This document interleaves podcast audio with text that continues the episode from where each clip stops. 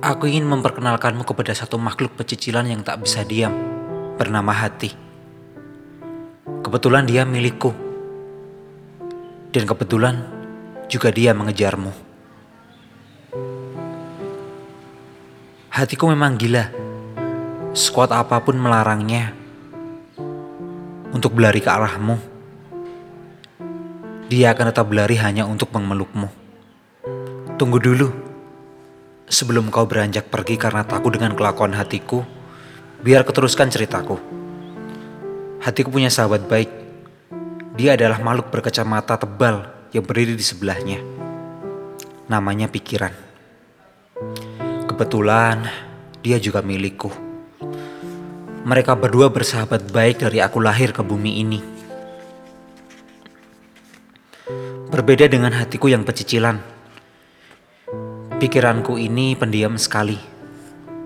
Dia jarang rukun dengan hatiku, malah sering berkelahi.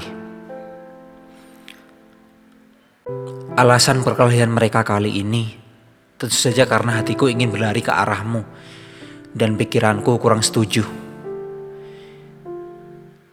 Pikiranku percaya bahwa dengan hatiku berlari ke arahmu, dia akan berujung hancur. Pikiranku yang sayang pada hatiku tidak ingin sahabatnya itu hancur.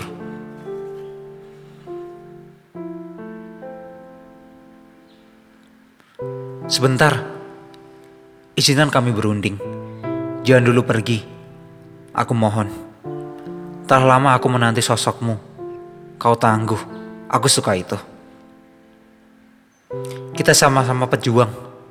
Kau berjuang mencari jalan pulang. Maka aku ingin berjuang menjadi rumahmu. Karena ternyata hatiku betul, kaulah orangnya. Ya, pada akhirnya aku akan membiarkan hatiku mengejarmu dan bercengkarama di sampingmu, memelukmu saat kau dekat, merindukanmu saat kau jauh. Biarlah hatiku berpesta pora, biarlah aku ikut bersenandung gembira. Sementara pikiranku, aku yakin pikiranku baik-baik saja duduk manis di kepalaku. Berharap tak ada hal buruk yang menimpa hatiku. Dan jika sampai hatiku hancur suatu saat nanti, aku tahu pikiranku selalu dapat diandalkan untuk membantunya kembali sembuh.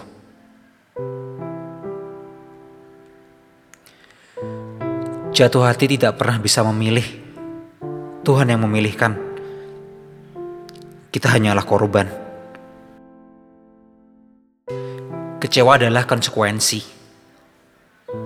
Bahagia adalah bonus.